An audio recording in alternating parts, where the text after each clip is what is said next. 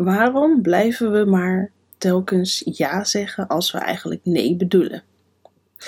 Ik denk dat heel veel van jullie uh, hier zichzelf in herkennen. Ik uh, doe dat bij mezelf ook nog steeds wel iets te veel. Al ben ik daar stukken, stukken, stukken, stukken oh, beter in geworden. Um, het ja zeggen als je nee bedoelt, het, het is heel erg herkenbaar in het hele leven, niet alleen in het ondernemen. Maar ik wil je even wakker schudden en even weer een schop onder de hol geven van, lieve schat, als jij iets niet zou willen, waarom doe je het dan wel? Het, het gaat wat dat betreft ook over een stukje natuurlijk servicegericht zijn en behulpzaam zijn. Um, als ik kijk naar mezelf op kantoor, dat is zeg maar een decade geleden of zo, voelt in de vorige eeuw, um, in vorig leven bijna. Ik was iemand, ik ben super behulpzaam. Als mensen mij zouden omschrijven, dan zeggen ze servicegericht, ontzettend behulpzaam. En dan denk ik, oh, dat zijn mooie eigenschappen, toch? Ja, ja, top. Oké, leuk, ben ik trots op. Maar eigenlijk is dat. Uh, het zijn mooie eigenschappen, maar helpen ze je heel erg verder wat betreft je eigen doelen en je eigen groei? Nee, niet echt. Want je bent zeker niet servicegericht naar jezelf. Je bent echt niet behulpzaam naar jezelf wanneer je tegen iemand anders ja zegt, terwijl jij dan met gebakken peren zit. Want dat is het eigenlijk. Je zegt ja tegen iemand anders, maar je zegt daardoor nee tegen jezelf. Was, ik zat toen op kantoor en ik zie het nog zo gebeuren, dagelijks, bijna elk uur komt er iemand aan je desk. En ik werk altijd met oortjes in, even focussen, hè, want ik liep achter op schema, omdat ik heel behulpzaam was. Stond er iemand, kun je me even helpen met dit? Oortjes uit, ja hoor, kom maar door. Ja, ja wat is het? Ja, oh ja, ja, nee, is goed, dat doe ik wel even. Ik onderbrak mijn workflow. Mijn werk kwam stil te liggen. Ik was helemaal uit mijn focus. En wat ik deed, was iemand anders nog eens helpen. Direct, alle minuut, zodat die verder kon die persoon, die liep even vast. Die had iemand anders nodig. Die iemand anders die deed gelijk wat hij moest doen in zijn of haar ogen. En die persoon kon verder. Top. Super slim. Ik daarentegen was helemaal dus uit, uit, mijn, uit mijn flow. En ik moest weer helemaal opnieuw beginnen voor je gevoel. En ik ben al een dieseltje. Ik kom al laat op gang. Dus het, dat helpt gewoon niet. Je bent er helemaal uit. Je denkt, ja, nou, weet je, dan stop ik maar. Dan neem ik nu maar pauze en dan ga ik naar de wc en dat soort dingen. Oh, mijn hemel. Als, ik had het af kunnen hebben als iemand me niet had gestoord. Wat daarin dus belangrijk is, is dat ik constant ja zei. Maar niet in het belang van mij. Ik had iemand prima kunnen helpen. Ik zeg niet dat je dan nooit meer ja mag zeggen. Um, zowel privé als hè, in, het, in, het, in het gewone leven als in het ondernemersleven. Maar je moet daar heel bewust mee omgaan. Als iemand zegt, uh, bijvoorbeeld een heel ander voorbeeld. hey, uh, ga je mee naar dit feest? Want dan ben ik niet alleen. Hè? Dat is vaak zo, dan kun je samen gaan, ben je niet alleen. Maar als jij daar helemaal niet op zit te wachten. En dat dat net jouw ene vrije avond was. Die jij nu ook alweer gaat opgeven om iemand anders een dienst te bewijzen.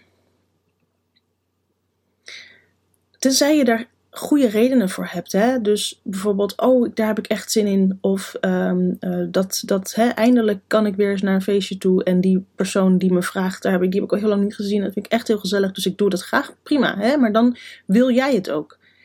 Maar als jij het eigenlijk niet wil, omdat dat je enige vrije avond is, omdat jij er gewoon niks wilde doen, uit je neus eten op de bank met popcorn, filmpje en in slaap vallen en uh, als, een, als een waslap wakker worden. Heerlijk. Met je dekentje en zo. Um, dus wil je eigenlijk nee zeggen? Je schiet er niks mee op als je altijd maar ja blijft zeggen. En dat is, dit is natuurlijk een les die je eigenlijk op elke hoek van de straat weer kan oprapen en uh, ook weer hoort.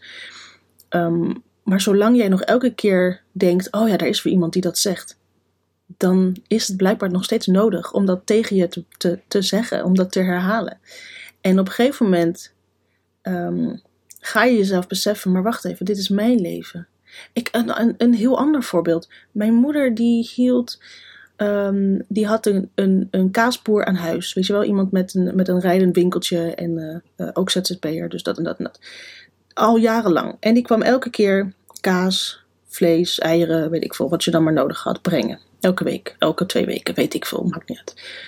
Maar op een gegeven moment merkte ik aan mijn moeder dat ze daar eigenlijk vanaf wilde. Want het was best wel, best, best wel duur. En uh, ze kon het eigenlijk net zo goed halen in de supermarkt. Dat, dat was de wens toen, of in ieder geval nu. Toen destijds vond ze het interessant om dat te doen bij iemand.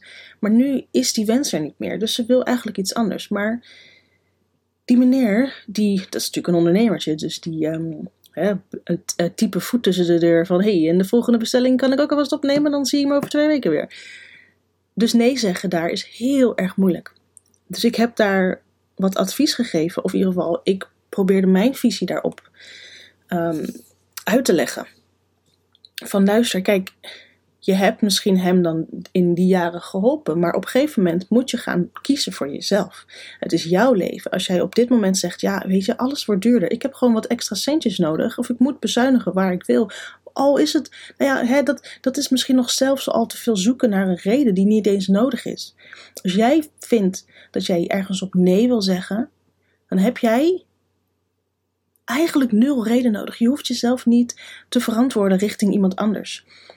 We doen dat vaak omdat we dan um, die, die nee die zo hard aankomt, die kunnen we dan um, uitleggen, waardoor hopelijk die tegenpartij die nee accepteert of sneller accepteert en zegt: Oké, ik begrijp het. Maar ze hoeven het wat dat betreft helemaal niet te begrijpen. Jij beslist wat jij doet.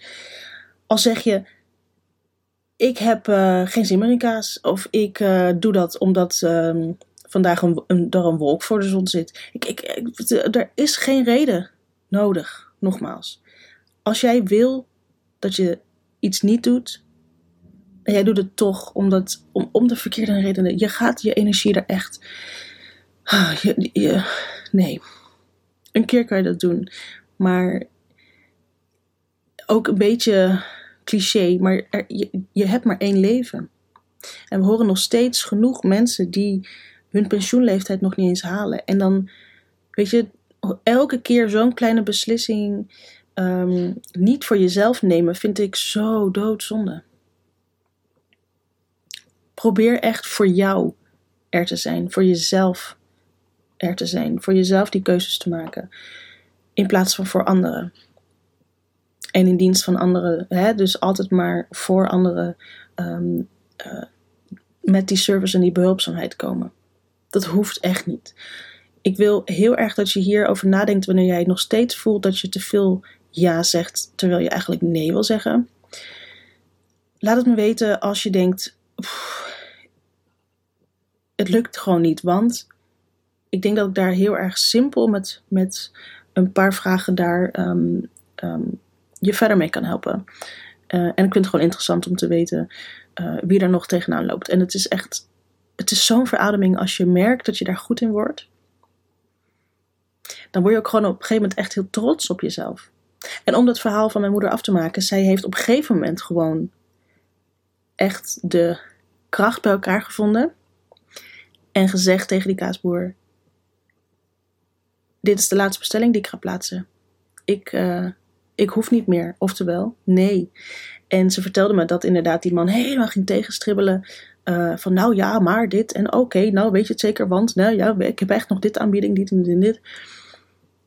Nee, nee, vasthouden, nee. En dan ben je weer geneigd om dingen te gaan uitleggen, wat op zich helemaal niet hoeft. Als je gewoon zegt, nee, dit is mijn beslissing, punt. Ja, jij mag gooien wat je wil, want dan worden we bang en zo. Dat vind ik echt heel vervelend als mensen dat doen.